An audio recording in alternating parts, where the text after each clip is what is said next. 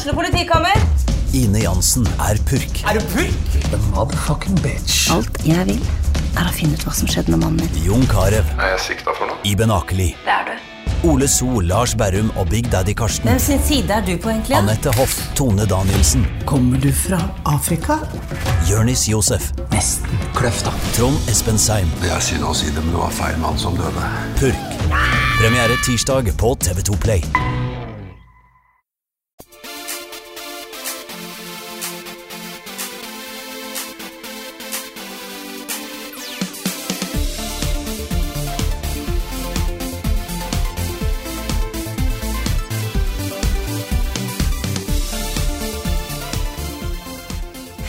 Velkommen til en ny episode av podkasten Level Backup. Den stemmen du hører her, tilhører meg, Frida Danmo, og med meg har jeg to andre flotte stemmer, nemlig Karl Martin Hogsnes og Rune Fjell Olsen. Hallo, folkens. Hallo, hallo. Jeg skulle bare underbygge at uh, det ikke var kanskje så flott stemme. Du hadde liksom bygd opp at det var en flott stemme, og så tenkte jeg det var morsomt da, ikke sant, hvis jeg Ja. kommer inn med en stemme som ikke er så flott. Jeg Det er litt det er sånn der eh, Ja, jeg ble- jeg litt sånn, ble litt påminna på at du er pappa. Jeg synes det er bra at du fortalte joken her eh, og forklarte den for oss som kanskje ikke helt skjønte hva du holdt på med, Rune. Da Ja, setter jeg pris på. Jeg må nesten det. Mm. Må nesten jeg vurderte faktisk å ta en sånn her Rabbids-lyd isteden for å si hei, men det, jeg Å, ja. på det. Ja, too late nå. Nei, men eh, skal vi bare hoppe i gang og få snakke om eh, litt eh, hva vi har spilt i det siste? Let's Ja. do it. Hvem eh, vil begynne? Carl kan få lov til å begynne. Skal jeg begynne? Yes. Jeg har siden eh, Siden mandag natt, fordi vi, vi fikk ikke spille tidlig, eh, men siden mandag etter, etter midnatt så har jeg nesten konstant sittet og spilt eh, et lite spill som heter Mario pluss Rabbids Kingdom Battle. Og det er gøy. Nice. Det er liksom bare Det er bare kjempegøy. Så eh, jeg syns det er sånn Det er fin sånn, fin sånn anmeldersesong nå. Nå har jeg Mm. fått liksom to spill på rad som er veldig lett å sette seg inn i. Som jeg bare kan liksom slappe av og kose meg med. Samtidig som jeg da skal anmelde de, da. Men, eh, men liksom Sonic Mania bare, kunne jeg bare sette meg ned med og være god i og forstå med en gang. Og det her også er litt sånn. Det er liksom det er et nytt spill, men uh, hvis du har spilt noen sånne taktiske RPG-type spill før, så er det veldig veldig lett å sette seg inn i. Sikkert også hvis ikke du har gjort det. Ja, for jeg har ikke spilt uh, taktiske RPG før, men jeg uh, testa dette her i ja, en time eller to i går, og jeg uh, må si at det var eh, enkelt å komme inn i. Jeg syns de forklarer ting godt, og så er det bare til å liksom sette i gang. Mm. Jeg liker liksom måten de uh, For hver kamp så har de liksom introdusert én ny ting. Så blir du litt sånn isa inn i det. Og uh, Nei, det var eh, det, det er veldig bra. Det er rett og slett bare kjempekos. Det ser veldig, veldig gøy ut. Det er til og med et spill jeg har lyst til å teste, selv om jeg ikke er så glad i taktiske, taktiske spill, liksom. Så eh, det er et eller annet med den humoren. De rabbidsene. Jeg syns de er så utrolig morsomme. Så Ja, de, er sånn, de har vært litt hit and miss for min del eh, opp igjennom. Sånn, eh, du har jo um, De første spilla syns jeg var veldig morsomme. Mm. Med de der små sketsjene og de tinga der. Og de der Rabbits Around the World var litt morsomt. Um, og så dabba det litt av, kanskje, for min del. Det var liksom Det var ikke fullt så mye sånn skriking. Det var litt mer sånn Nå skal de gjøre andre ting. Så var det ikke det like morsomt. Så ble det Minions. Det var vel kanskje Det var vel Rabbit som kom før Minions, egentlig. Ja. jeg tror det. Så det er nesten Ubisoft burde saksøke, saksøke Minions. Men uh, Nei, jeg synes de er, eh, det, er ikke, liksom, det er ikke all humoren som treffer i, i det spillet her, men det er liksom Det er morsomt, da. Det er koselig. Det er liksom god stemning og Det jeg syns er gøy her, er at de later som om de er noen andre. De later som de er Mario-figurer, liksom. Mm. Nintendo-figurer. Mm. Um, det bare syns jeg er gøy. da Det er et eller annet der som jeg bare kicker veldig på. Og Rabbit Peach er jo bare fantastisk. Ja, Rabbit Peach er, er amazing. Sammen med Rabbit Mario, egentlig. Ja. Det er litt sånn der Mm. italiensk kjekkas. Og det, er, eh, det, er, det blir veldig morsomt. Og så ser jeg at uh, Luigi dabber i uh, spillet. Ja, han, gjør det også. Mm. Så det er, det er noe for enhver smak i, eh, i det spillet her, altså. Men en ting som er Endelig litt, et spill eh, for alle som elsker dabbing. Ja. Ja, ikke sant? Nei, men en ting som er litt gøy, da. Um, det er, du, du kan liksom se, uh, selv om det er liksom Det ser jo veldig ut som et Nintendo-spill, uh, og det er jo på mange måter det, men det er laga av Ubisoft. Og du kan på en måte se på litt sånne subtile måter, sånn som lyssettinga. Så kan du se at det er ikke helt Nintendo. Det er liksom det er Nintendo, men det er ikke, det er ikke de som har laga det. Og manuset er litt fransk. så det er sånne ting synes jeg er litt morsomt å se. da At liksom, ok, Dialogen er ikke helt sånn som den pleier å være. Og Det er sånne små, subtile ting. da Som ikke er, Mm. Det er ikke negativt, det er bare annerledes. Ja. Så det er litt gøy å legge merke til. At det kommer fra Mm. et litt annet sted. Så Tøft. det kommer en anmeldelse. Jeg har eh, spilt i jeg vet ikke jeg, kanskje 16 timer eller noe sånt eh, nå. Og begynner å føle meg klar for å anmelde det snart. Mm. Nice. Det andre spillet du har fått, kan du vel kanskje ikke snakke om ennå? Eller jeg så ikke så nøye på de embargo-reglene der. Det, det så ikke jeg på heller. Jeg har ikke begynt på det ennå. Nei, kanskje Men, ikke nevne det, eh, da, siden du ikke er helt sikre. Nei, jeg vet ikke om vi får lov å nevne det. Det er ikke så lenge til Nei. det kommer. Ja, nei. Vi kan, vi kan vente med det. Men det er, det er et spill som jeg skal eh, Som jeg skal anmelde etter Mario Rabbits. Mm. Og får kanskje litt, eh, litt assistanse på fra, fra Lars etter hvert. Ja. Da vet jeg mm. Kult. Så det. Skal jeg inn i Autodesk Maya og lage litt 3D igjen og litt sånne ting. Så det blir, det blir noe. Blir spennende. Men det er, eh, det er vel basically meg. Ja, Har du lyst til å fortsette, Rune? Eh, det kan jeg godt. Eh, jeg har ikke fått testa det så mye, men det har kommet et spill også spill i en serie, uh, PlayStation-serie som jeg er veldig glad i, som heter Everybody's Golf. Det heter vel Hotshots Golf i Japan, tror jeg.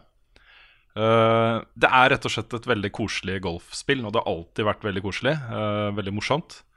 Uh, og nå er det på en måte en slags reboot. Det er en del stund siden det kom det forrige spillet i den serien kom. Uh, det kom ut på PlayStation 4 nå.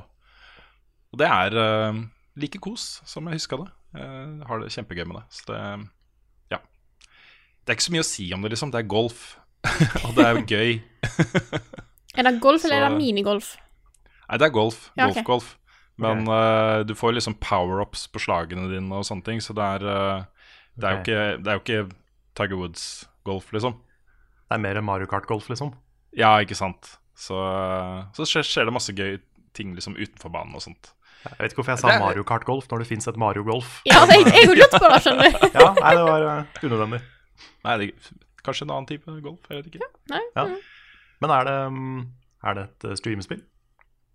Det er muligens det, altså. Men nå tenker jeg det skjer jo noe annet uh, rett før streamen vår neste uke, som kanskje er enda mer aktuelt å streame.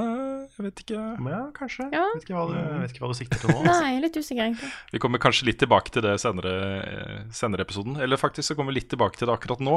Ja. Fordi jeg har ikke spilt Destiny 2-betaen. Jeg har ikke lyst til å spille den PC-betaen fordi jeg har sett litt video fra det. Og det å se det spillet i 4K med 60 frames i sekundet gjør meg litt sånn ille til mote. Jeg har så lyst til å spille det, og hvis jeg sitter og spiller liksom PC-betaen masse, så tenker jeg at jeg kanskje uh, gjør opplevelsen min på PS4 litt dårligere, da. Og sånn, åh, hvorfor er det bare 30 FPS? Uh, her var skikkelig åh, Jeg gleder meg til PC-versjonen. Jeg har ikke lyst til å ha den, da, så jeg har liksom prøvd å ikke spille det. Men uh, det vi gjør, da, vi prøver jo å avslutte Destiny 1 med dette permadeath-runnet vårt. Og der eh, nærmer vi oss slutten.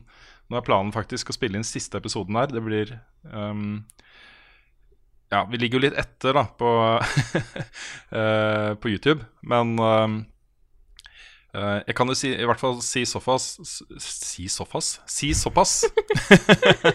at uh, dealen var jo det at hvis en, en eller flere av oss dør, så skal vi spille til alle er døde allikevel. Uh, og det er da fortsatt noen i live på Rise of Iron, så vi skal begynne på Rise of Iron, den siste delscenen, um, på tirsdag rett før midnatt-launchen, liksom. Så um, ja, det er Kult. eh, dritgøy. Anbefaler det, altså. Så det var meg. Ja, da kan jeg ta fortsette. Eh, som sagt har jeg spilt eh, litt grann Mario Rabbits. Eh, men jeg har jo forsvunnet ned fullstendig i det hullet som er Persona 5. Igjen. Og nå er jeg kommet enda lenger ned. Det er sånn det eneste jeg har gjort de siste dagene. For jeg hadde jo eh, besøk av en venn av oss fra Nederland nå forrige uke. Han dro på søndag. Eller eh, lørdag natt. Eh, og etter det så har jeg bare Det er det jeg gjør. Jeg er på skole, kommer hjem, lager middag, og så er det personer til jeg legger meg. Det, Jeg har på det, følelsen at vi kanskje kommer til å sitte her liksom om, om et år, og så bare du er sånn Ja, nå er jeg nesten ferdig med Persona 5, og så det begynner å nærme seg nå. nei, nå tror jeg eh, Vi kommer fram til at jeg er cirka kanskje halvveis. Sånn rundt der. Mm. Så det er jo et håp om at jeg blir ferdig sånn snart, sånn at jeg kan få begynne på Near Automata, som jeg òg skal få gjort. Men eh, nå er jeg eh, kommet, kommet langt. Jeg blir jo bare mer og mer glad i dette spillet jo lenger jeg kommer eh, Jo lenger jeg kommer i det. Så jeg koser meg. Nå har jeg endelig fått eh, nok eh, Jeg har gått og bada nok på sånn bathing house til å ha fått nok charm til å kunne date hun ene jenta. Og det har vært stort mål nå den siste uka. Nice. Mm. Skal, vi, skal vi si hvilken jente?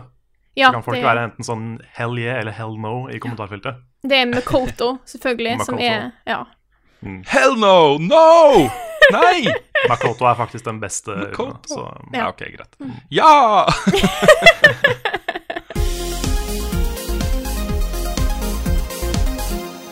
Da har vi kommet til ukens anbefaling, og denne gangen skal jeg eh, foreslå eh, en YouTube-kanal, faktisk.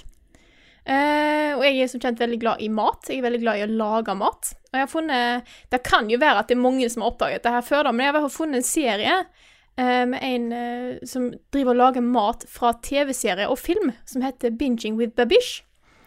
Og han lager liksom alt sånn kul mat som du har sett i, som, jeg- som sett i film. Sånn for eksempel han lager ting fra Bob's Burgers, den serien. Han lagd fra Ratatouille.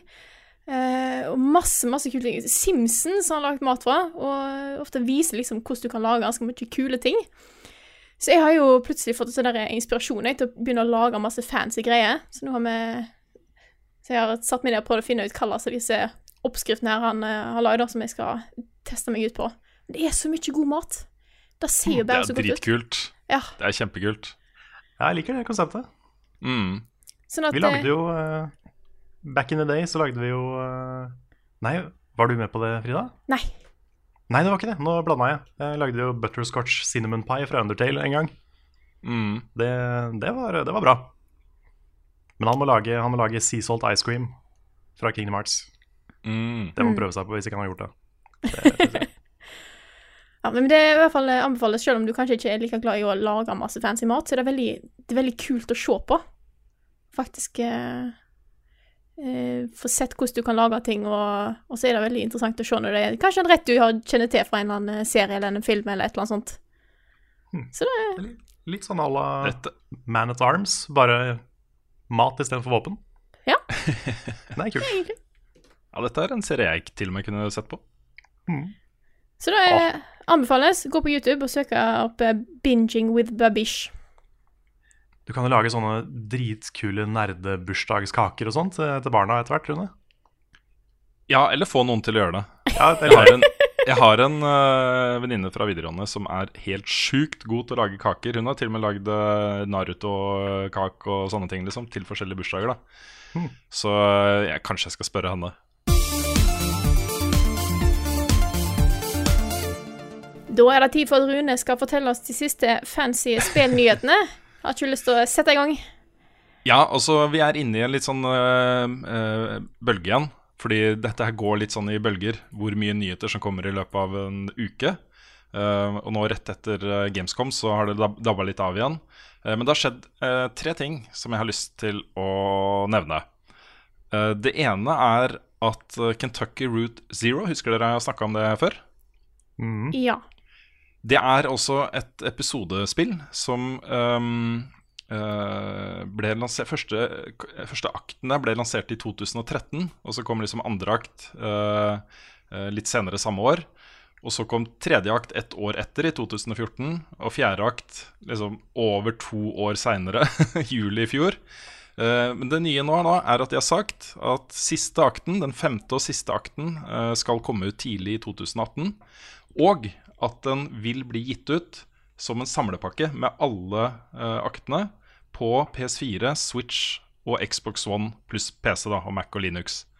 Så um, foreløpig så er jo alt dette bare tilgjengelig på PC og Mac og Linux. Det kommer liksom Hele pakka kommer ut på konsoller også. Og det er et spill jeg har venta med å spille, fordi jeg fikk med meg liksom hvor lang tid det tok mellom disse aktene, og tenkte vet du, det orker jeg ikke. Jeg orker ikke å vente liksom på udefinerbar tid. Det var ikke et uttrykk, tror jeg. Um, uh, norsk uttrykk, i hvert fall. Uh, på neste akt. Så jeg har bestemt meg for å vente til jeg vet når siste akt kommer, uh, og så spille det. Og dette er da, de kaller det selv, en magical realist indie episodic point and click adventure game. Da er en munnfull. Ja, og du spiller som en sånn delivery man eh, på en vei i Kentucky. Kentucky Route Zero, som ja Det er litt sånn mystisk, eh, litt overnaturlig, eh, litt nært. eh, ja. Stilig. Høres litt sånn Telltale ut for min del, men jeg vet ikke om det er riktig. Ja, det er nok liksom i litt samme gate. Men uh, ut fra det jeg har forstått da, fra folk som spiller det og elsker det, så har det en veldig unik identitet. uh, og en feeling som, eh, som er ganske sterk. Altså Folk blir veldig knytta til dette spillet hvis de først setter seg ned og spiller disse aktene. Så, så jeg, har et, jeg har en sterk følelse av at dette er noe for meg, altså. Gleder meg. Det var det ene. Eh, Dette her ble jo da kjent eh, faktisk på denne eh, Directen til Nintendo, hvor de viste fra masse indiespill som er på vei til Switch. Eh, og kanskje den største nyheten her var jo uh, en nyhet som folk har venta litt på. Uh, no More Heroes, Travis Strikes Again, lages til Switch med Suda eh, 51 som regissør. Ja. Det folk ikke ser, det er at vi sitter. Ja, det som, er, da, som folk som hører podkasten ikke ser, er jo det at vi sitter på Skype, og alle sitter og smiler og nikker samtidig. Men det blir ikke fortalt med lyd, da, så det kan det være liksom det. for å f Nei, få men Lune hadde et litt sånn forventningsfullt nikk på at vi Ja. skulle liksom bare Oh shit! Men så Ja. Ja. skjedde ikke det. La meg gjette, ingen av dere har spilt uh, No More Heroes-spillene? Uh, Nei. det, altså. Du, vet du hva, her tenker jeg kanskje en anledning for eh, filmetull, eh, Carl. Ja, kanskje. Jeg har, Det jeg har sett liksom, jeg liker, liker veldig godt stilen på det første. Mm. Jeg har sett litt av det, jeg har ikke spilt det ennå. Men eh, det, er en, det er en bra kandidat. Det er campy og kitschy og sært og eh, veldig voldelig og dritkult. Ja. Det er veldig japansk. Jeg er, jeg er med på å spille det, altså. Hovedpersonen heter jo Travis Touchdown, et av de kuleste spillnavnene ever. Så, Ja, det er nice. ja. Og så er det også lenge siden eh, Suda51 har regissert et ordentlig spill. Så, så han er en veldig unik og kul stemme, liksom, så jeg gleder meg til å se hva han eh, kan finne på nå. da Eh, På en helt ny generasjon med spillkraft, liksom. Eh, ja. Det kan bli er, kjempegøy. eh, hva er grunnen til at han heter Suda51? Ja, det har også jeg på. Jeg tror det er mange av disse japanske kunstnerne som tar sånne kunstnernavn. Bare for å liksom vise for hele verden at øh, jeg er så annerledes. Uh, og det er litt spesielt i Japan, fordi noen, noen får jo lov til det. Eh, og blir liksom opphøyd som litt sånn helter og ikke guder, men veldig, folk ser veldig opp til dem fordi de bryter ut av liksom det mønsteret som alle er forventa å gå i. ikke sant? Um, men du må være en veldig spesiell person, tror jeg. Du må ha gjort noe et eller annet. Du må uh, ha- noe skikkelig å fare med for at du, liksom, de rundt deg skal akseptere at nei, i dag vil jeg hete Suda51. Så Ja. Greit. eh, Den siste nyheten er eh, det, Jeg syns alltid det er gøy å, å touche innom Star Citizen. Um, og der har de jo eh, hatt for vane da, å ha en stor presentasjon av hva de jobber med på Gamescom. Um, og det hadde de i år også. En to timer lang demo av spillet.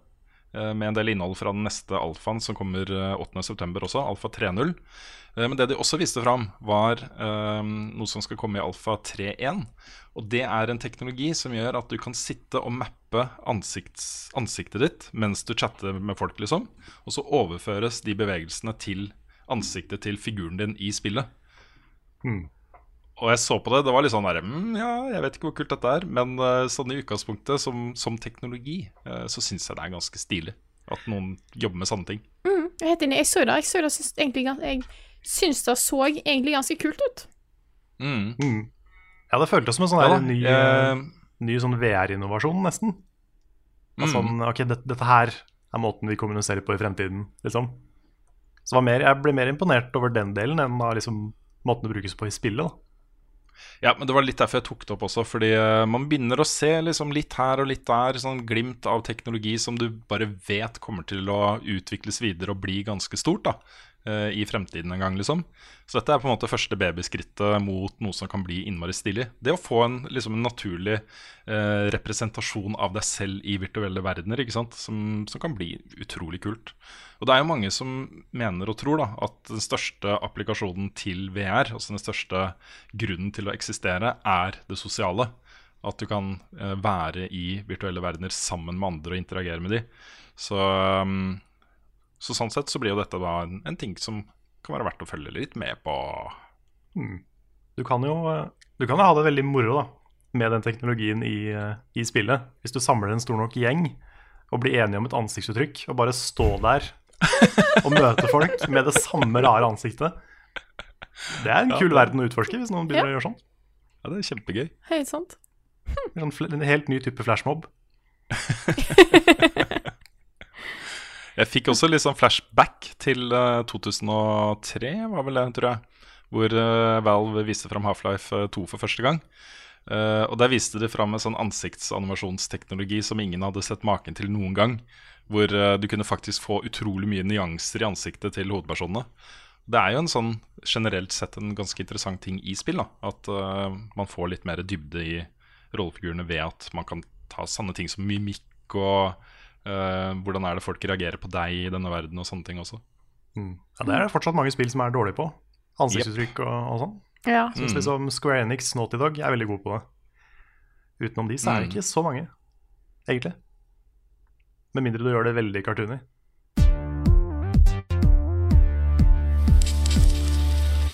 Da har vi kommet til spørsmål og svar-spalten. Eh, og først begynner vi som vanlig med ukens eh, spørsmål. Ukens spørsmål! Det Var nydelig. Ja, veldig Mm. vakkert. Mm. Og ukens spørsmål ja, ja, det er helt sant. Mm. Ukens spørsmål eh, kommer denne gangen her fra Jakob på Patrion, som skriver Jeg kom aldri skikkelig inn i første Destiny, men planlegger å gå all in på Destiny 2. Hva mener dere er det viktigste å gjøre i spillet de første ukene etter release? Mm. Eh, Kan jeg, uh, Veldig bra spørsmål, Jakob. Kan jeg først bare spørre deg, Carl. Gleder du deg til Destiny 2? Ja, jeg gjør det. Jeg ikke, jeg er ikke på samme nivå som liksom For jeg, jeg føler jo ikke at jeg gleder meg når jeg ser deg og Lars. Spesielt deg. Det er sånn der, Ok, de gleder seg til Destiny 2. Men jeg Mm. gjør jo egentlig det, jeg òg. Ja. Jeg gleder meg til å liksom hoppe inn i den verden der igjen og sjekke Reddit for hva slags morsomme exploits folk har funnet. Og alt mulig sånt. Hele det der Mm. Destiny-universet og raiding og sånn, det gleder jeg meg til. Så jeg håper Ja, fordi at vi får uh, spilt litt coop etter hvert. Ja, det hadde vært kjempegøy. Jeg er veldig gjerne med på det også. Uh, Men jeg husker jo en ting som jeg har sagt hele tiden i løpet av disse tre årene her, er at det jeg tror den største betydningen Destiny, Destiny har hatt og kommer til å ha på spillmediet, er hva den inspirerer folk til å lage. Uh, og der er på en måte Destiny 2 det første uh, Første Hva skal man si? Eh, retten vi får servert, da, som er inspirert av suksessen til Destiny 1. ikke sant? Uh, og forventningen om at uh, de har forbedra alt som var dårlig med det første spillet. Forventningen om en opplevelse som er enda kulere, uh, og som kanskje er enda mer givende da, for alle typer spillere, ikke bare de som grinder altfor mye. Så kommer også Anthem etter hvert fra, fra BioWare og sånne ting. Så det, det skjer ting, da. Det er, det, er det, det er derfor jeg gleder meg sånn til Destiny 2 også. Jeg er så spent på hvor, eh, om de har klart å lage en bedre opplevelse. Så, så derfor gleder jeg meg. Eh, men spørsmålet var eh, kan, du, kan du ta spørsmålet en gang til? Jeg kan ta spørsmålet en gang til. Spørsmålet er eh, Hva mener dere er det viktigste å gjøre i spillet de første ukene etter release? Mm. Jeg har satt opp fire punkter, jeg. ehm, som, eh, som folk kan ha i bakhodet. Det første er ikke. Hæ? He came prepared. Ja, ikke sant. Eh, jeg gjorde det. Det første er ikke kast noe. Ikke kast noe våpen, uh, i hvert fall ikke sånn legendary og exotics. Liksom. Behold det. Uh, hvis ikke du liker å bruke det, bare ha det i hvelvet. Man vet aldri hva Bungie kommer til å finne på uh, med fintuning av våpen og sånne ting. Plutselig så har du sletta et våpen som du aldri får igjen, og så er det det som er metaen, liksom. Så ikke kast noe før du er helt sikker. Vent en stund. Det andre er å finne noen å spille med. Det er veldig viktig. Det er eh, Mye av dette er som man kan gjøre solo. Historien eksempel, har jeg lyst til å spille solo. Men eh, det å loke rundt i eh, European Dead Zone og leite etter Lost Sectors og spille Strikes og PVP og sånne ting, finn deg noen å spille med. Der kan jeg anbefale Level Up Community Destiny, som, som er en av veldig mange, egentlig. Sånne Jeg ser etter noen å spille med ting på Facebook. Det tredje er eh, for de litt mer avanserte. Gjøre deg raid-klar. Kom deg opp i level. Um, nærm deg liksom gjerne maks, liksom, men kom deg opp i nærheten av å være raid-klar. Det er ikke så lenge til det kommer. Jeg tror det blir ikke første helgen, uh, ikke andre heller, tror jeg, men tredje, andre eller tredje helg kommer raidet. Og Det siste og viktigste er bare ikke bry deg så mye om hva du skal gjøre og ikke gjøre. bare ha det gøy. Kos deg, liksom. Gjør det du har lyst til å gjøre. Det er masse innhold der, så bare kos deg med det i den rekkefølgen du ønsker selv. Og det er ingenting som haster. Dette er et råd som jeg har stilt meg selv også. Så jeg bare skal sette meg ned med det spillet og kose meg. Det er planen. Ja. Og så har jeg en følelse av at eh, de sikkert har lagt inn en del sånne godt skjulte ting i, Mm. eh, i spillet.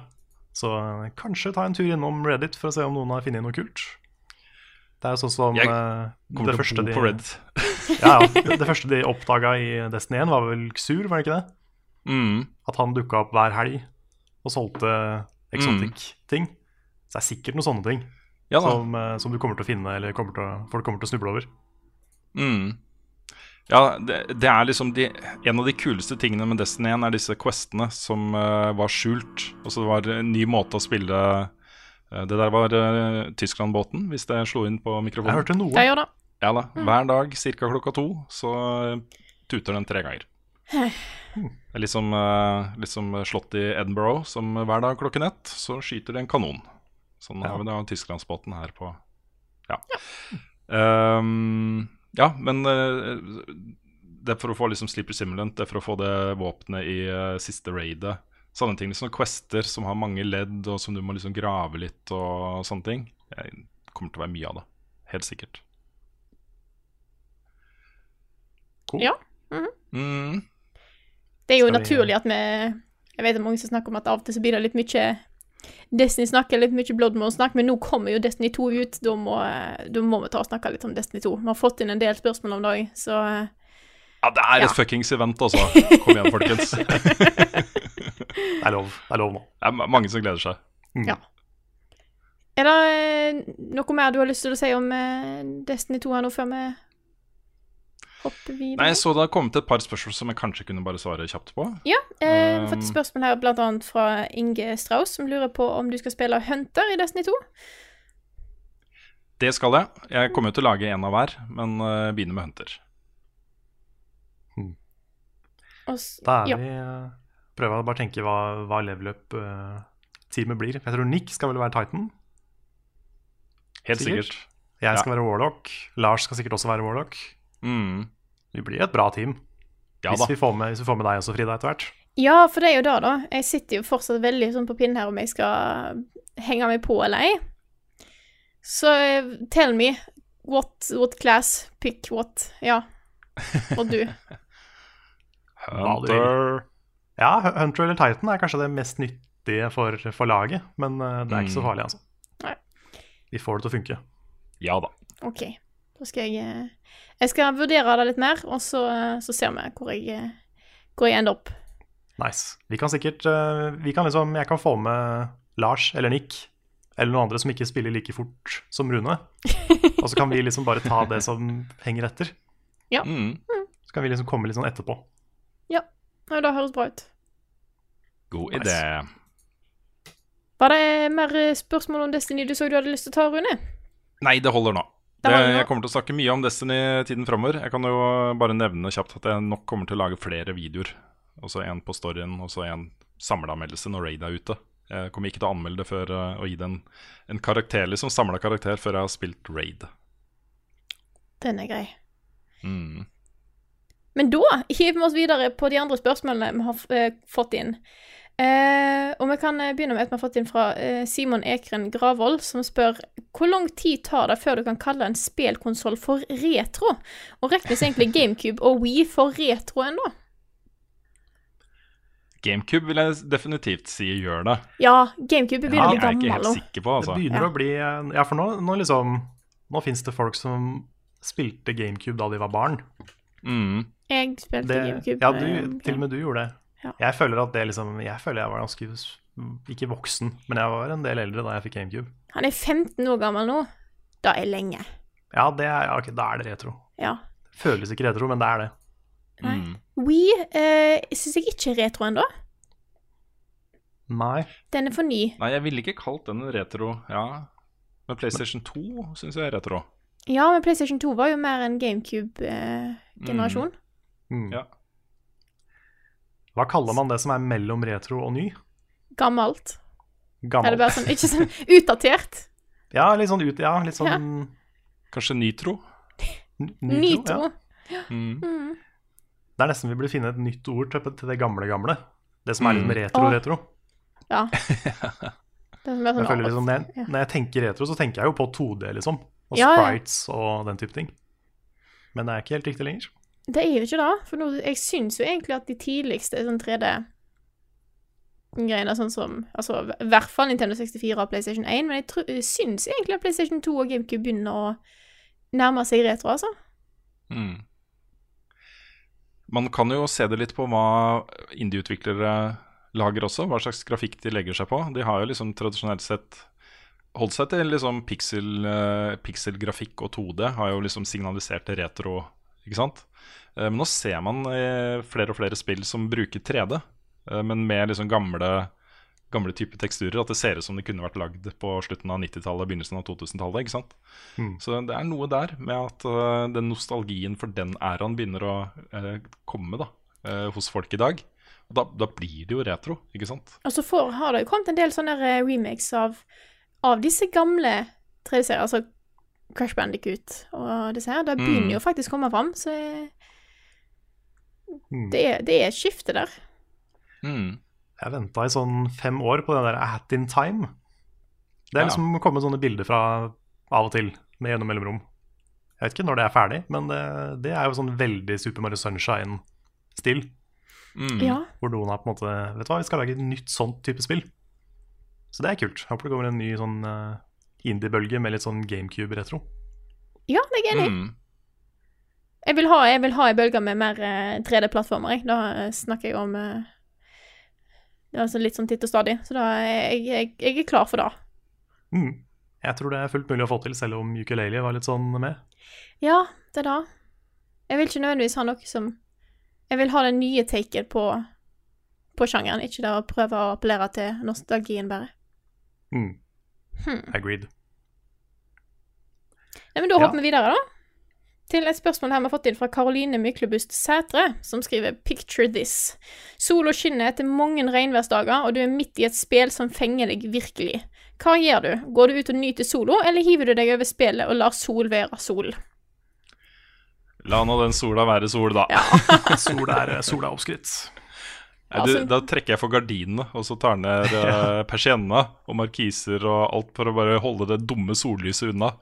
Det skjer oftere også enn at jeg ser ut og tenker 'Å, nå hadde det vært godt med en tur i parken og en is, kanskje'. Det. Ja.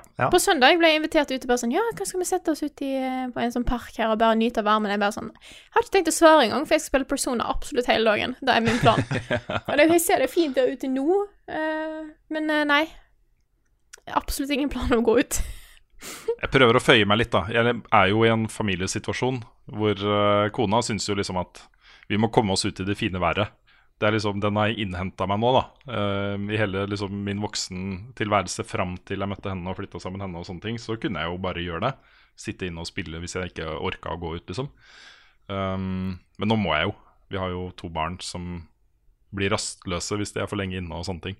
Så jeg prøver å ikke bitche for mye om det. Bare sånn «Øh, Det er mye bedre å være inne, liksom. Jeg sier ikke sånn, da. Nei. Jeg, jeg får liksom godt ut hver dag pga. at jeg må til skolen og tilbake igjen, så jeg får jo litt luft. Eh, Det holder jo i massevis. Ja, det gjør det! Jeg er superfornøyd. Det Mm. syns jeg er godt nok. Jeg prøver å si ja når liksom folk inviterer meg med på grilling og sånn. For det er koselig. Det er sånne sosiale ting. Det, det kan jeg være med på. Men å bare gå ut for å gå ut, det, det er jeg ikke. Det er liksom, hva skal jeg gjøre, tenker jeg. For at Mm. jeg, er ikke glad i, jeg er ikke glad i sol. For det første får jeg soleksem bare jeg får litt lys på huden min. Uh, så jeg har ikke lyst til å være ute i sola sånn egentlig. For det andre så bare nyser jeg når det er lyst. Jeg har ja. Det er Lyser én du ting også to ganger med en gang du går ut i sola? Ja. To Ja. Jeg har faktisk begynt å opp, oppe seg til tre, Oi. så jeg skjønner jo ingenting. Men dette er en, for deg som lurer på hva i alle dager jeg snakker om, dette er en ting. Det er en, det er en faktisk tilstand som jeg tror det er sånn 70% av alle hvite kvinner i verden har dette her. Jeg er en av de. Mm. Så det er Hvor mange menn har det? Eh, det, er, det er en god del, men det er, det er flest kvinner, har jeg lest om. Og det er en Ja, okay. genetisk ting. Jeg har sett en video på dette. her. Det er en, det er en faktisk genting som tilsier at du nyser. Ja, det, ja. Det her var faktisk innmari interessant. Ikke fordi, um, fordi det er en ting, men fordi jeg trodde alle hadde det sånn. Ja, at når du var ute og så i sola eller fikk litt sollys inn i øynene, eller et, jeg vet ikke hva som trigger det. Men jeg også har den. Jeg har, jeg har to kjappe, og så kommer det som regel én en stund etterpå. Mm. Ja, Nei, jeg har konsekvent alltid to. ja, jeg trodde det var alltid Altså at alle hadde dette her. Helt til uh, Jeg lurer på om det var uh, Jeg gikk ut og med Petter, da, helt i starten av vårt forhold, og så eh, så nøys jeg et par ganger, og sa åh, jeg er så lyst. Og så så han på meg og bare skjønte ikke noe som helst av hva jeg holdt på med. Så sa jeg hva, dette er jo Dette er en vanlig ting, er det ikke det? Og han bare nei. Er det noe gale med deg, liksom? Jeg bare Så da har jeg søkt Han opp revurderte hele greia, liksom. Ja, det var rett før det var uh, Ja, folk som uh, nyser, det er deal-breaker, altså. Ja. Nei, så jeg har, jeg har lest opp. Det er faktisk uh, genetisk. Men ikke alle har det. Hmm. Da lærte jeg noe nytt i dag, Frida. Det er Ja. Mm. viktig å komme med litt sånn små fun facts det er innimellom her. Level Up-redaksjonen består da av tre hvite kvinner. Today I learned. Ja. Yes. Nei, men Skal vi hoppe videre her, da? Jeg har glemt hva spørsmålet egentlig handler om i starten. Men vi har eh, fått et spørsmål her fra Torbjørn Langland, som skriver Sammenlignet med andre anmeldelser, hvor mange flere bloopers ble det da, dere spilte inn introduksjonen til Carl anmelder Sonic Mania? Eh, og skriver jeg en setning her Dessuten så var Lion King mye bedre på Super Nintendo. Oh, shots fired. Mm, Jeg shots vet ikke, jeg vet ikke om Ja, kanskje. Kanskje. Jeg har ikke spilt det på Super Nintendo, så jeg vet ikke. Men eh, nei ehm, det, ble, det, ble ikke, det ble jo noen bloopers, det gjorde det. Men det vi det jeg endte opp med å gjøre, det var å klippe nesten hvert eneste bilde jeg brukte i den anmeldelsen. Det er liksom kutta på den framen før Lars begynner å le. Så det er sånn, hvis det, hadde, hvis, det hadde, hvis det hadde vært en frame lenger, så hadde du sett at Lars begynte å smile. Så eh, jeg har liksom kutta rundt det. Men det ble, det ble noen bloopers. Kommer sikkert til å dukke opp i en eller annen sammenheng, tenker jeg. Det var jo kjempegøy, men vi var jo, um, vi var jo ganske fokuserte på dette showet vi skulle holde også, ikke sant? Så, uh, så jeg, jeg klarte liksom ikke helt Vi fokuserte på å få dette gjennomført, sånn at vi kunne gå tilbake til å gjennomføre showet vårt, ikke sant? Så det hadde nok blitt enda rarere hvis vi hadde all verdens tid og ingenting annet å bekymre oss for uh, der og da, ikke sant? Ja, sant. Jeg Men jeg sånn syns det var kjempegøy, da. ja, jeg, altså, jeg var litt pinlig berørt fordi jeg måtte liksom rope og banne i Kristiansand. Mm. Det er liksom fremmed by. Jeg skulle stå der med liksom et skateboard og litt sånt. Så det var, det var litt ekkelt å stå der òg. Men, eh, Mm.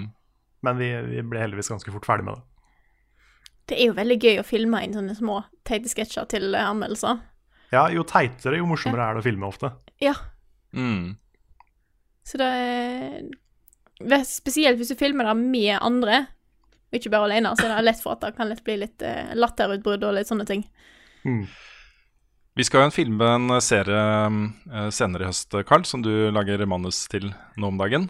Det skal vi. Ja. Bloopers fra den kommer til å, det kommer til å bli mer, mer innhold enn det du faktisk klipper ned til serien. Ja, det, er så, det, kommer Ja. til å bli, det kommer til å bli så vanskelig å filme det, fordi jeg syns det er så mye morsomt der. Og så mye kule, kule ting som skal sies og gjøres, og rollefigurer og sånne ting, liksom. Så det, det må vi bare lage en egen blooper-greie ut av. Ja, Carl. det, men det skal vi. Det blir litt sånn som, uh, tipper jeg, jeg lagde en serie som het Roomies for mange år siden. Det er vel sånn fem år siden nå, tror jeg. Um, og der var tabbefilmene lenger enn episodene. Og det, sånn kommer det til å bli, Mm. tipper jeg.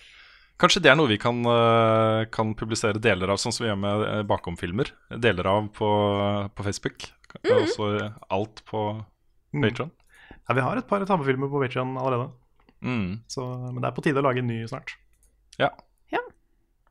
Så da driver driver og teaser litt eh, til dette her som jeg holder på, eh, eller skal filme nå snart, så det er bare til å eh, Så litt og litt så det er bare til å glede seg til det dukker opp. Det er nok, Jeg eh, det er nok et stykke unna, altså. For det Ja. blir jo en lang, Mm. lang eh, etterproduksjonsperiode og litt sånne ting. Mm. Men det blir bra. Men, eh, men vi, vi jobber med ting behind the scenes. Vi jobber med ting, så, eh, så vet dere da at det skjer ting. Eh, vi har fått en del spørsmål etter Kristiansand, eh, der folk lurer på om vi snart skal ha et show i Oslo. Og lurer på, blant annet her så er det eh, Lasse Meyer Antonsen som skriver eh, Hva kan eh, jeg slash vi bidra med for å få dette til? Nei, eh, det vi trenger er jo først og fremst en partner, også et, eh, et sted som vil ha oss. Og som kan selge billetter og stå for det tekniske og lyd og lys og eh, sånne ting, liksom. Um, og så lenge vi har det, så er det jo egentlig bare å sette i gang. Det man Jeg vet ikke det, her, det kommer til å skje. Vi kommer til å ha et show i Oslo en gang. um, av et eller annet slag. Og gjerne, gjerne liksom Level Up Live her også. Eh, men jeg tenkte bare å nevne en ting som, uh, som er i ferd med å skje liksom, i kulissene akkurat nå. Fordi uh, mens vi var i Kristiansand, så pitcha jeg for Jon Cato, som jo har Lolbua, uh, podkasten, at det hadde vært kult å samle de norske spillpodkastene til en liten spillpodkastfestival et eller annet sted. Og han har jo fått skikkelig snakka med henne i går. Han har fått skikkelig dette her på hjernen. Han ønsker virkelig å få til det, så han skal begynne å jobbe med det nå. Det hadde vært kjempekult. En hel dag på Rockefeller eller et eller annet da, med liksom alle vennene våre. Det hadde vært kjempekult. stilig. Hei, Så ja, ikke sant? Nei da, men det er gøy å holde show, og vi eh, kommer til å holde flere shows. Det, det gjør vi. Det det er veldig gøy å holde show. Mm. Så, men vi trenger bare noen til å på en måte Hvis vi skal ha ansvar for alt det tekniske, og sånt, så blir det veldig, veldig veldig mye arbeid. mm. Mm. Jeg føler vi, vi traff liksom taket på hva vi får til av den type ting eh, på den ettårsstreamen vår. Det Ja. er, liksom, det, er, det, er sånn, det er sånt vi får til hvis vi ikke har teknikere. Det vil si Mm. hvis vi har Lars, da. Lars er teknikeren vår. Men eh, hvis, vi, hvis vi bare har liksom én person, og det er Lars, så får vi til sånne type ting. Men for Mm. å få et show i gang, så må vi ha masse folk. Det krever jo, det var jo sykt mye folk som, som jobba bak, eh, bak scenen der. Mm. Og så trenger vi også helst noen som brenner litt for å, for å arrangere det showet. Også noen som uh, uh, kan spill, og som uh, kanskje kjenner oss litt fra før også. Fordi jeg vet ikke helt hva vi skulle gjort uten Stein Erik nede på Kilden. Altså. Da, da hadde det jo ikke blitt noe show. Det var han som pitcha det inn for ledelsen her, og han som satt der og, med knottene liksom, og styrte ting under showet. eh, og som forklarte for de andre hva som foregår her, ikke sant. Um, et, det er lettere hvis det er noen som forstår det, som gjør det, enn om om vi må gjøre det. For det er ikke så lett. Nei. Nei, vi kunne gjerne bare flydd han inn hver gang det skjedde sånn, og så bare fått han Ja. til å gjøre det. Fordi han er jo Ja. perfect. Han har jo nevnt at de har et samarbeid med andre konsert- øh, og teatersteder rundt omkring i Norge, så kanskje. Ja, så hvis det er noen som tilfeldigvis eh, driver en stor eh, konsert slash teaterlokale teater, eh, ting eh, i Oslo-området, så bare ta kontakt, så eh, så kan vi få til et eh, show til senere. Ja, Men bare hvis det er operaen. Jeg har ikke lyst Ja. til å holde show i Oslo, med mindre det er i operaen. Nei, Nei, nettopp. Mm. vi har begynt å bli litt diva nå, skjønner dere. Yep. Ja. Mm. Nå har vi fått uh, en del sånne krav. Og så blir det sånn Å, hva er det heter? Sånne, sånne, sånne Raider. Raider, ja. Mm. Den er Når, ganske lang. Jeg, vi fikk jo det spørsmålet hva vi ville ha på raideren vår fra Kilden. Og jeg var sånn Jeg vet ikke. Noe drikke og kanskje noe godteri. Ikke sant? Jeg var ikke, jeg var ikke der, da. Men neste gang må vi lage en ordentlig raider. Ja. En øh, som er litt spesifikk og, og sånt. Jeg, jeg vil ha en ny sånn, nytt sånt skip. Den isen var eh, Det er noe av det sjukeste jeg har sett.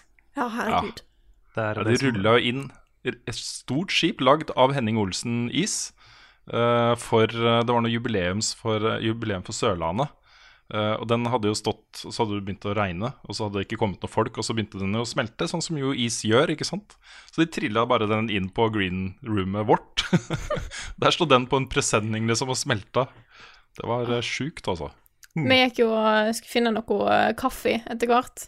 Eh, og da kom vi borti hun damen som hadde rulla inn den her, da. Og sa noe om at ja, dere må bare spise iskaker. Bare sånn, ja, men vi har egentlig vi har spist det vi får i oss. Hun bare å ja, jeg trodde dere var kjempemange. Og vi var jo ikke så mange til å spise opp den der kaka. Nei, vi var var tolv eller noe sånt. Ja, så hun var litt sånn overraska. Ja, vi trodde vi var no mange nok til å få spist opp den kaka. Jeg tenkte herregud, Det var jo så mye is igjen. Jeg tuller ikke, det der var is for mange hundre mennesker. Ass. Ja, Vi kunne faktisk gitt alle i publikum is. Ja. Ja. ja, ja, Alle hadde fått en solid porsjon is der, tror jeg. altså. Mm. Hvis showet hadde vært to timer tidligere, så kunne vi bare gjort det. Ja, Ja, det Men innen vi starta, så var den ganske smelta allerede. ja Mm. det var visst ganske mye som var utover gulvet, som de måtte eh, rydde opp igjen etterpå. Mm. Men eh, ja. Ikke en jobb jeg misunner. Nei, jeg tror Petter hjalp til litt. Han fortalte at det var ganske mye is, så de måtte mm. fikse opp litt oppi. Så sånn er det. Ehm, ja. Jeg tenkte jeg skulle ta et uh, Vi har fått Vi kan jo bare si det nå. Vi har fått en del spørsmål om Game of Thrones. Mm. Som vi tenkte at vi skulle ta og snakke litt om, og prøve å holde det så spoilerfritt som mulig, men det kan være det kommer litt spoilers likevel, så vi tenker vi tar det på slutten. Mm. Uh, og jeg sånn eh, faktisk tar litt sånn derre Ja, ta, da- ta det på slutten, sånn at eh, jeg sparer det til eh, siste del, og så lurer jeg på om dere har funnet noen spørsmål dere har lyst til å ta opp? Skal vi se Ja, jeg har et uh, spørsmål her som jeg har tatt vare på. Fra Sander Stein på Facebook. Uh, han spør hvor fornøyd var du med den forrige Twin Peaks-episoden. Personlig synes jeg det var den beste episoden til nå, og jeg er så i de helvetes enig med han. Det, den episoden er også Allerede så har det vært en tidligere episode i, eh, i eh, denne reunion, eller den nye Twin Peaks-serien, som er det rareste og tøffeste og kuleste jeg har sett på TV noen gang. Men dette er på en måte den Det her er den beste TV-episoden av noen ting jeg har sett ever, også. Uh, fått, får så utrolig mange fine uh, payoffs for å ha fulgt med. Ikke bare på denne serien, men på uh, Fire Walk With Me og på den originalserien. Ekstremt Så mye kule ting som skjedde. Så jeg, satt, jeg satt liksom og gliste og var på gråten et par ganger fordi det var så bra. det var så utrolig bra. Så, så det der er bare Ja. Jeg forstår at ikke Twin Peaks er for alle, men den har truffet meg så sjukt. Og nå er det bare sånn dobbelt episode. Siste episode kommer på mandag, natt til mandag. Nei, kommer begge? Jepp. Oh shit. Det er slutt. Det er siste episode, men den blir jo da dobbelt så lang. Uh, Ah. Det blir åh, Holy shit, altså. Jeg må Ja, få sett den serien her. Mm. Jeg har en plan om å få sett den. Jeg vet at uh, han andre i huset her òg er gira, så da uh, får jeg håpe jeg får kommet i gang litt snart. Du er à jour, Karl, eller? Ja, jeg så, jeg så jo alt uh, i år. Det gamle og det nye og filmen og alt. Mm. Det er litt, litt tungt å komme gjennom originalserien, fordi den er så Den er så gammel. Jeg tror slett, Den er Mm. veldig bra, men det er liksom TV var jo ikke helt det samme da som det er nå. Så ting går mye saktere, og det er sånn litt mer langtekkelig å komme gjennom episodene. Men uh, det er verdt det. Mm. Hva syns du om uh, den siste episoden? Ja, den var dritbra. Jeg syns egentlig hele, hele The Return har vært veldig bra. Ja, den har vært kjempebra. Veldig Return annerledes. Veldig annerledes enn originalserien, Mm. men på en kul måte. Ja.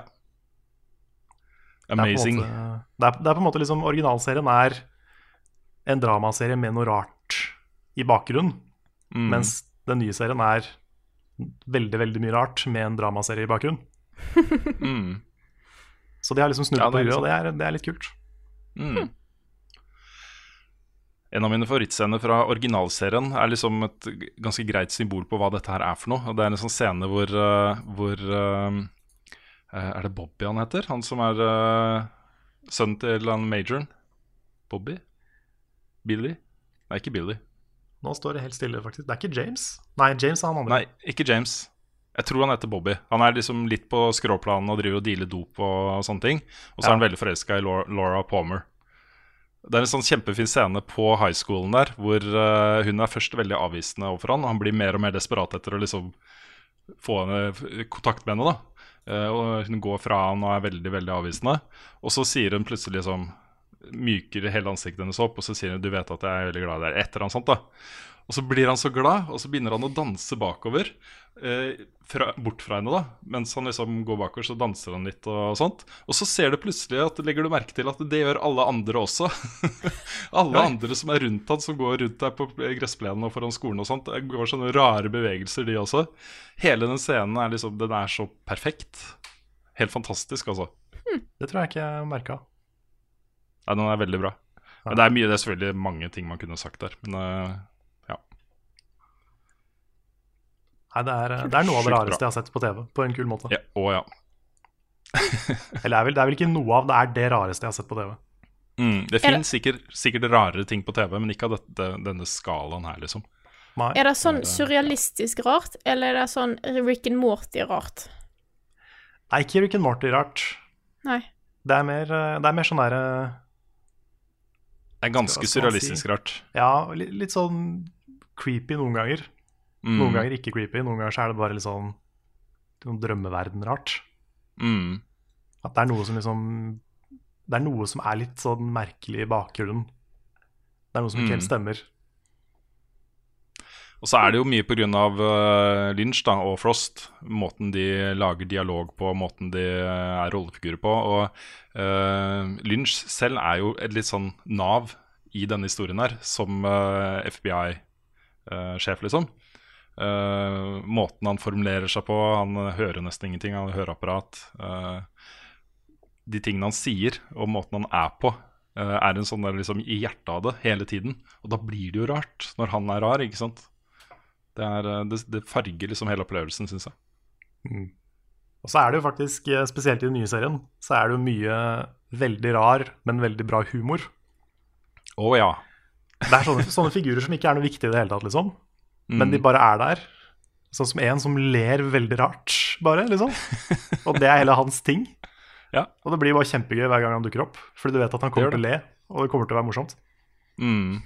Så det er sånn Det, det syns jeg er enda mer av nå enn det var før. At det er sånn veldig bisarr Mm. humor. I agree. Jeg må få sett det der. Det er verdt å se, altså. Hvis du liksom Hvis du ser det gamle og ikke orker å se det mer, så øh, går det an å hoppe rett til filmen og så se det nye. Men det beste er å se alt. Eller Ja, jeg tror, jeg tror jeg må gjøre det. Jeg bare, når jeg først skal se det, faktisk sette meg ned og se alt. Mm. Mm. Ja, har du funnet et spørsmål du har lyst til å ta, Karl? Jeg Skal vi se, jeg fant ett. Um, hvor var det Jo, det er fra Frode Negård. Han sier hei, hva er det verste spillkjøpet dere har gjort noen gang? Eh, Jeg f.eks. For forhåndsstilte Duke Nukem Forever til nærmere 600 kroner da det kom ut, og forventa meg skikkelig, en skikkelig nostalgitripp. En kort stund senere var det på tilbud på Elkjøp til ca. 49 kroner. Aldri mer forhåndsbestilling. Ja, er det noen eh, Jeg husker når en, Jeg tror det var sein ungdomsskole eller noe sånt. Eh, Eller tidlig videregående. Spilte jeg veldig mye Wii. Sånn seriøst mye Wii. Eh, og begynte å gå litt tom for ting å spille. Så jeg begynte å se veldig mye på hva er det som kom ut. Hva er det å få tak i? Jeg hadde ikke mange andre konsoller, jeg hadde ikke en god PC, så jeg hadde Wii, og det var det, da. Det var liksom det det var. Eh, og så Det er et spill jeg på en måte Jeg husker jeg kjøpte til full pris. Jeg husker ikke hva det var, jeg husker ikke hva det hette. Jeg bare husker at jeg kjøpte det, bare sånn Å, dette så kult ut. Og så prøvde jeg bare sånn Dette er dritt. Og så spilte jeg det aldri igjen. Det var vel fem, 500, 550 kroner som jeg på en måte har fortrengt. Mm. Hmm. For Jeg meg er det det nok er- Daikatana. Ja, stemmer. Det var jo et spill som uh, alle egentlig gleda seg til, fordi det var John Romero, uh, en av de hjernene bak Doom og Quake, liksom, som, uh, som skulle lage sitt eget spill. Så det var helt forferdelig. Det, var, det, er, det har jo blitt en sånn greie, liksom. Det er jo en av de største kalkunene ever. Eh, men eh, det, er, det er ikke så lett å huske at i forkant av det spillet så gleda folk seg liksom til, til det. Så, så der ble jeg veldig skuffa. Og så er det jo selvfølgelig Sonic and the Secret Rings. Det er jo òg et uh... Ja. Ja. Jeg tror for, for meg så er Sonic Boom er nok det verste jeg har kjøpt. Fordi jeg, jeg, på en måte, jeg har klart å kose meg til og med med de dårlige Sonic-spillene. da. Det er litt sånn som å se en dårlig film, at det er sånn, du vet det er dårlig, men det er litt gøy for det. Mm. Men Sonic Boom var ikke det engang. Det var bare kjedelig. Det var liksom en historie som prøvde å være morsom, og var ikke morsom. Og framerate-problemer, og det var liksom Det var ikke noe gøy å spille noe av det. Og da var det liksom Da var det ingenting. Så det, det var nok eh, det verste jeg har brukt penger på i spill. Da, da skjønner jeg. Det er jo ikke et eh, Jeg har ikke prøvd det. Har ingen planer om å prøve det. Men det er jo ikke noe som på en måte står helt høyt opp på listen over bra spill i verden. Akkurat. Nei. Nei. Sonic O6 derimot, det, det er også super ræva og uferdig. Men det er i hvert fall gøy å spille. Skal vi hoppe Ja, jeg lurer på om det er på tide at vi tar og snakker litt om Game of Thrones, jeg. Let's go! Ja, yes. Så for de som ikke har lyst til å få med seg dette her, av, eh, av selvfølgelig helt greie årsaker, eh, så, så vil jeg bare si takk for at du hørte på. Hvis du har tenkt til å skru av podkasten nå. Eh, og til dere andre som har tenkt å fortsette, så har jeg tenkt til å ta Ja, vi har fått to spørsmål av Game of Thrones. Eh, vi har fått et fra eh, Fredrik Syverstad, som skriver Game of Thrones sesong 7 er over. Hva syns dere? Og Ludvig Hagberg som skriver Nå som Game of Thrones er ferdig, hva var deres favorittscene i denne sesongen? Eh, så la oss snakke litt om Game of Thrones sesong 7, folkens. Mm, jeg kjenner at det er litt vanskelig, for jeg har ikke lyst til å komme med for store spoilere selv om hva om noen liksom sitter fanga Noen holder hendene deres mens uh, de sitter i bil Jeg vet ikke, et eller annet. Klarer ikke å skru ja, av podkasten. tenk om det er noen som hører, som hører på podkasten i bil, Ja. og så er det fire stykker som syns det er greit, og så er det en som ikke tør å si at det ikke er greit. Mm. Ikke sant? Så jeg tenker litt på han som ikke tør å si. Det kommer til å bli spoiler her. Det Ja. kommer til å bli spoiler. Så til, til dere som ikke helt tør å si ifra, uh, så vil jeg anbefale dere å liksom, ta, ta steg I dag er dagen der dere skal begynne å si ifra. Ja. Si ifra om at eh, Mm. dere ikke syns det er greit å høre på spoilere i, eh, om Game of Thrones i Level Backup. Mm. Til det du hører på, da. jeg også ja. at Ja. Og så, Len, og så len ser jeg oh, Sorry. bilen. Ja, ikke sant? Jeg går første runde. Ok, Nei, for jeg ser jo på film at uh, det, folk overlever jo å kaste seg ut av biler i fart. Så det er jo også et alternativ, kanskje. Ja, sånn, ja. Jeg hadde tenkt å Mm. foreslå at du bare lener deg litt fram i bilen og sier at liksom, folkens, jeg er glad i dere, men dette her, det er ikke greit, altså. Mm. Da får du sikkert litt mer respekt også. Men så la seg Mm. òg en eh, Eller jeg hørte om en eh, forskningsgreie der folk hadde testa og eh, Det var to grupper som skulle lese ei bok, og den ene, eh, ene gruppa hadde fått vite om twist, den store plot-twisten i slutten av boka. Den andre gruppa hadde ikke det. Og så skulle de eh, score hvor, hvor godt de likte boka. Og de som hadde blitt spoila på forhånd, likte boka gjennomsnittlig bedre enn de andre. Så eh, Hmm. ja. Jeg vet ikke. Jeg henter så mye glede av å få sånne ting um, Nei, altså, jeg liker det ikke. Og spoiler Nei, i det hele tatt, nei. Men uh, det er en uh, Så kan dere tenke på det, da. Hvis dere sitter bonde fast i en bil og er nødt til å eh, bli tvunget til å høre på, høre på dette her, da. Skal vi, skal vi begynne å snakke litt om Game of Thrones, da? Hva syns vi. Det syns jeg. om denne sesongen her? Jeg digger den, men uh, ikke sånn helt uh, uh, uten forbehold. Fordi uh, nå, de jo, nå er det jo ikke noen bøker å ta av lenger, liksom. Um, de må jo finne på ting sjøl her. Uh, I samarbeid selvfølgelig med, med Martin. Men jeg føler nok at uh, det glir litt over i sånn litt mer tradisjonell TV, da. Litt mer sånn tradisjonelle TV-grep. At det gjøres litt lettvinte løsninger her og der, liksom. Og ikke fullt så overraskende lenger. Uh, tidligere i serien så følte jeg at jeg aldri helt kunne vite hva som skjer. Nå føler jeg mer at jeg har litt kontroll med hvor dette her går, da. Og når man mister det elementet, så, så går det litt utover min sånn helhetsopplevelse av serien. Men når det er sagt, da, så er de, de, den payoffen du får, uh, f.eks., uh, er latterlig tilfredsstillende. Og det er veldig engasjerende og gøy å se på. Så jeg er fortsatt veldig glad i serien, altså. For det er veldig mange eh, storylines og ting som er bygd opp nå over veldig mange sesonger. Og du merker at nå skal de avrunde hele greia. Så alle ting som på en måte har blitt bygd opp til, skal de plutselig løse på to sesonger.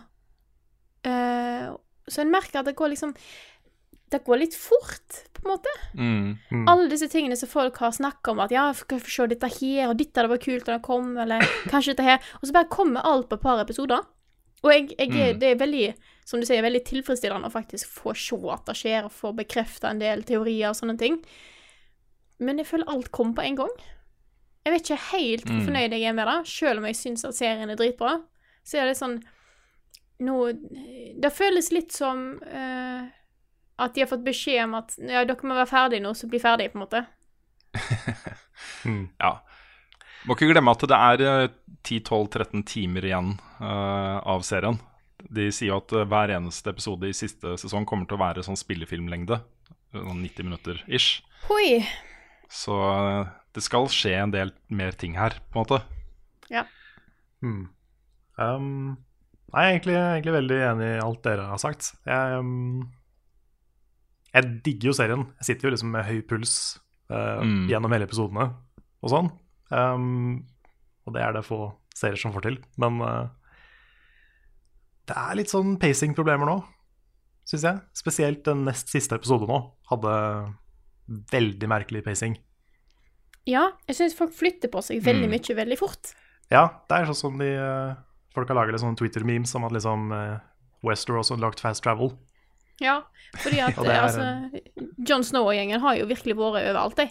På sånn, ja, mm. men nå er vi der. Men nå er vi her. Og så er vi tilbake igjen. Og Mm. så er det egentlig ganske lange strekninger det er snakk om dette her. Mm. Ja, altså den der reisa fra liksom uh, gå fra et sted, møter en hel haug med folk som var samla. Veldig kult at de møtes, veldig kult at de liksom timer opp. Men det skjedde så veldig fort. Mm. Så det hadde vært litt kulere hvis de liksom bygde opp det i noen episoder, og så, så kom de dit, da. Mm. Og sammen med det som skjer etterpå, i episoden hvor det skjer veldig mye. Skal vi Også, gå skal, Hvor mye skal vi Ja, hvor Jeg er vet ikke. degree? Jeg- jeg- Nei, nå er jeg uh... Litt usikker. Og så merker, jeg liksom, merker jeg det at det er ikke helt det samme manuset og den samme liksom logikken og strukturen i det som da de fulgte bøkene. Det, går, Mm. det er litt for enkelt, litt for eh, kjapt, litt for uh, vet ikke, Jeg føler ikke serien er like intelligent da, som den var i starten. Mm. Sånn som uh, det er jo en, en figur som dør. Skal ikke si hvem det er som dør, men det er en som dør i siste episode. Og det er liksom Det er jo logisk at det skjer der og da. Og til en viss grad så er det logisk at det skjer på den måten, men jeg forventa på en måte noe litt mer samtidig. At den så Jeg er litt uenig med deg der. Altså, ja. Er det det? Jeg så ikke den komme. Ja, jeg vet ikke om jeg så den komme eller ikke komme, men jeg syns det var en veldig eh, kul scene. Eh, jeg eh, jeg, eh, trodde, jeg, jeg, jeg trodde heller ikke at det kom til å skje der og da, liksom. Det er folk som har spekulert i om den rollefiguren der allerede var død, liksom. Eh, det viste seg at den ikke var. Mm. Um, men um, Men jeg syns det var en veldig tilfredsstillende scene. Jeg ble glad for å se liksom at de to Nå er vi jo veldig over på spoilere, men de to søstrene var liksom close, da. Ja. Og ikke Ja, for Ja. nå, nå Ja, tenker tenker jeg å snakke spoiler her. Fordi at nå, eh, nå eh, Jeg har eh, småhata Sansa i så mange episoder nå. Jeg syns Mm. at det liksom har virka som at hun har blitt så fullstendig manipulert og gjort så mye teit at jeg liksom ikke helt klart har fått sansen for henne. Og når det på slutten av eh, siste episoden så ut som at hun skulle vende seg mot, uh, mot Arya, så tenkte jeg bare sånn Nå har jeg fått nok. Nå bør sanser virkelig ta, skjerpe seg her. Uh, så fikk jeg god redemption der, da, vil jeg helt ærlig påstå. Men det var Jeg satt og var, for, jeg var litt forbanna. Jeg bare sånn Hvem er Hvorfor? Hvorfor må hun være så teit? Hun har gjort så mye rart i liksom alle sesonger, og så skal hun liksom Skal hun virkelig bli så fæl? Og så gikk det bra, så da er jeg fornøyd. mm, Ja, jeg likte, likte payoffen med de to. Ja. Jeg bare syns eh, payoffen med han var litt sånn Det var litt for enkelt, føler jeg. Han har på en måte vært så Han har vært den beste spilleren gjennom hele serien. Så det at han går ut så enkelt, føltes litt sånn skip for meg. Ja, for han, han begynte å bli Han har tidligere vært veldig liksom bak kulissene og gjort ting. Veldig Mm. sånn sneaky. Nå begynte han å bli litt for Litt sånn out in the open, på en måte. Og liksom Alle skjønte med en gang hva han prøvde å gjøre. Hvem er det vi kan snakke om nå, Ja, mon hvem tro? er det? Ja. Hvem, hvem er det? Jeg håper de som ikke vil ha spoilers, har forlatt uh, podkasten. Ja. Men ja, det, de har nok det. Ja. jeg trodde liksom at eh, jeg, Det jeg følte serien bygde opp litt til, da, det var at han og Varys skulle stå igjen på slutten. Ja. Og være de to som liksom så alt komme, som hadde kontroll. Mm. Og så ble det en kamp mellom de to. Men det, det har de jo gått bort fra, da. Så kan hende jeg Vet ikke, kanskje jeg så noe som ikke var der. Jeg merker jeg egentlig blir veldig spent på å se hvordan bøkene ender opp med å gjøre. Når de Mm. endelig kommer. Mm. Jeg har en følelse av at de liksom. kommer til å sprike ganske hardt. Det tror jeg òg. Jeg tror du òg ville se at det ikke Vet vi hvor mange bøker det er igjen, forresten? Har han sagt noe nå? Jeg lurer på om det er to. Det er to, men han sier vel Jeg tror han sier kanskje tre. Ja. Ja. At han muligens skriver en uh, siste bok. Jeg får at Ja, ting bare skriv det, da. Bare gjør det. Liksom. Ja. Ikke bare si at du skal gjøre det, bare gjør det. oh, Nei, jeg bare Jeg tror at eh, ting sikkert ikke vil gå så fort i bøkene. Da nekter jeg Nei, det gjør det nok ikke. Det er jo ting som TV-serien har skippa ganske mye av, sånn som Dorn og sånn. Ja. Mm. Der er det mye som uh, egentlig skjer. Mm. Jeg syns det er kult at vi har fått litt sånn god gammeldags incest tilbake i serien også, da. Ja, Det er incest var på tide. Det var liksom, eh, ja, For det også har gått fra å være sånn der æsj i sesong én, og så nå er det sånn yeah! Hurra for John og Danny, liksom. Ja. Okay. Jeg synes det er liksom det at, det at den hemmeligheten om hvem han er, nå kommer frem Uh, At uh, Bran uh, og Arya og Sansa vet hvem han egentlig er, det syns jeg er veldig tilfredsstillende. At Ja. det, det at han er liksom den rettmessige arvingen av tronen, og at han Uh, At faren hans også At, uh, at eh, Ned Stark ikke var utro med uh, kona og sånt, som hun hadde liksom hata han for hele livet, ikke sant? og han hadde aldri avslørt den hemmeligheten for noen, inkludert henne. ikke sant? Um, det syns jeg er veldig tilfredsstillende. Og så sitter jeg og tenker litt sånn på uh, hva som kommer til å skje i neste sesong. Fordi det er en stor sjanse for at Daenerys finner ut at Jon Snow er faktisk tronarving. Og sånn sett har mer rett på tronen enn det hun har. Ja, han, Hun har jo vært opptatt av det hele tiden, Ja. at hun er den rettmessige arvingen av tronen. ikke sant? Jepp. Og den verden der Og altså, hennes verden kommer jo i bare enda større grad. oh, ja, sant.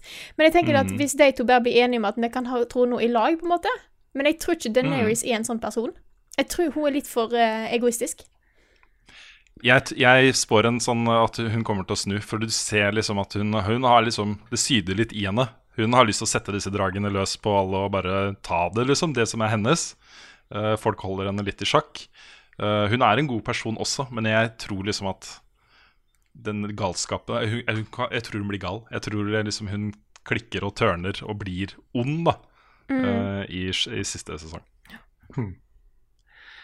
Ja, jeg er, jeg er usikker, fordi eh, jeg klarer liksom ikke helt å se for meg den der konflikten mellom eh, John og Danny. Litt fordi han er jo ikke interessert i å bli konge. Så Nei. Jeg, jeg får Men han, han tar jo det ansvaret når han får det. Altså når han blir Ja, plassert men, i en sånn situasjon. men du må jo liksom Du må jo gjøre en del for å bli konge, da. Ja, det er sant. Jeg vet Mm. ikke. Det er litt sånn Jeg ser liksom ikke helt hvordan det skal skje. Men uh, I don't know. Det blir spennende. Det blir det. Hvis de får et barn, vet du, så er jo det den rettmessige arvingen av tronen. det er, jeg tror kanskje heller det går den veien. Ja. Mm. At de, at de uh, ikke går liksom lenger fra hverandre, men at de blir At de faktisk eh, gifter seg og får et barn. Mm. Det er jo en Ja, sånn, men jeg, eh, tenk, jeg, jeg tenker at Deneris kan jo finne da på å tenke at ja, ok, hvis ikke det er noe uh, Aegon Targaryen i bildet, liksom, så er det jo jeg og min, vår sønn da, som er uh, rettmessige, ikke sant? Gå full Cersei, liksom. Mm. Ja. Mm. Ja. Who knows? Men- ja. Men Targaryens er jo en, det er jo en incestfamilie. Ja, de, de er jo incest, så det er jo De gjør et poeng ut av det for å få lov å, eller for å fortsette å kunne liksom kommunisere med drager. Og Mm. det er jo derfor de keep it in the family. Mm. hyggelig, da. Mm. Men min, favor min favorittscene, da, det, det er jo når dragene Hun kommer ridende på de dragene mot uh, det felttoget til uh, Lannisters. Det er min favorittscene fra, fra denne sesongen her. Ja, same. Den kamp, Det hele den var så kampen fett, der. altså. Mm. Ah. Det var kul. Men jeg, jeg Og så syns jeg det er dritkult at, eh, at eh, White Walkers har fått den drage også. Det er dødskult. Da skjønte jeg at det kom til å skje med en gang den dragen ble skada. Bare sånn, faen. Nei, nå Mm. vi Nå blir det dragon eh, fight her. Men jeg vil Mm. trekke fram en scene som er bare Ikke fordi at det er den beste i serien, men fordi at han bare Han traff meg så liksom Han gjorde et inntrykk på meg. Det er siste, siste episode. Når eh, Cersei basically vender ryggen til Jamie Lannister, og du ser at han blir så trist. Da bare knuste han å se at eh, Cersei ikke brydde seg om noen andre enn eh, seg sjøl og deres sønn, og bare egentlig ga litt faen. Han var så trist, han. Jeg satt der helt på gråten med sånn der, der knuste hjertet hans. Du kan liksom eh, peke på framen der han bare blir ødelagt.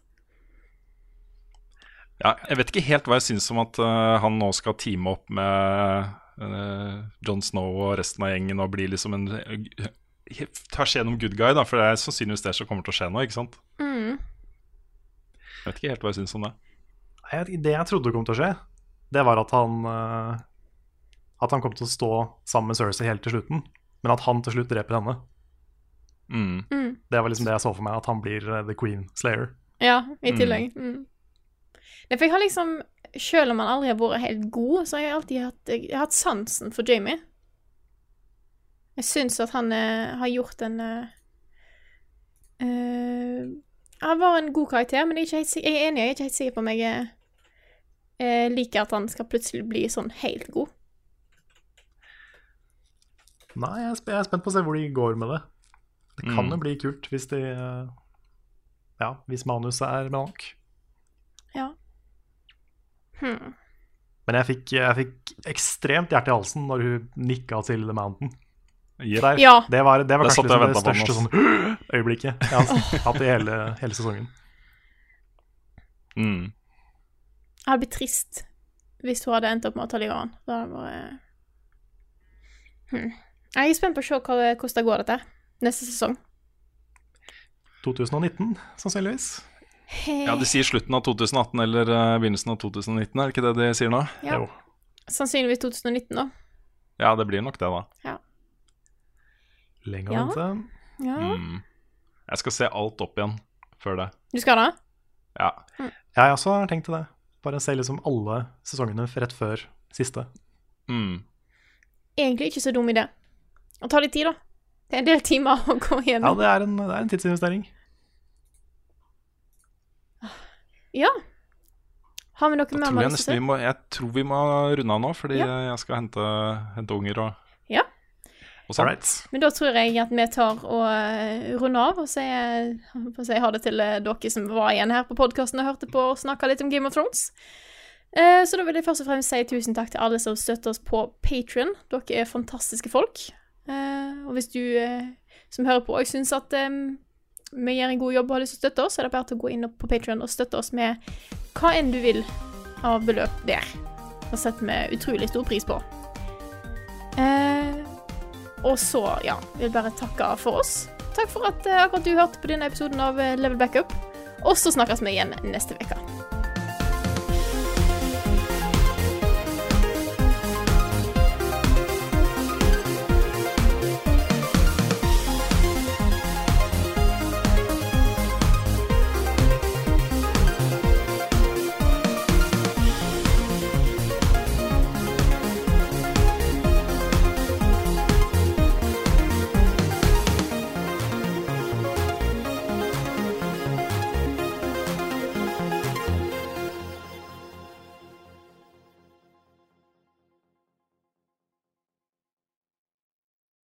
Har du et enkeltpersonforetak eller en liten bedrift? Da er du sikkert lei av å høre meg snakke om hvor enkelt det er med kvitteringer og bilag i fiken, så vi eh, gir oss her, vi. Fordi vi liker enkelt. Fiken superenkelt regnskap.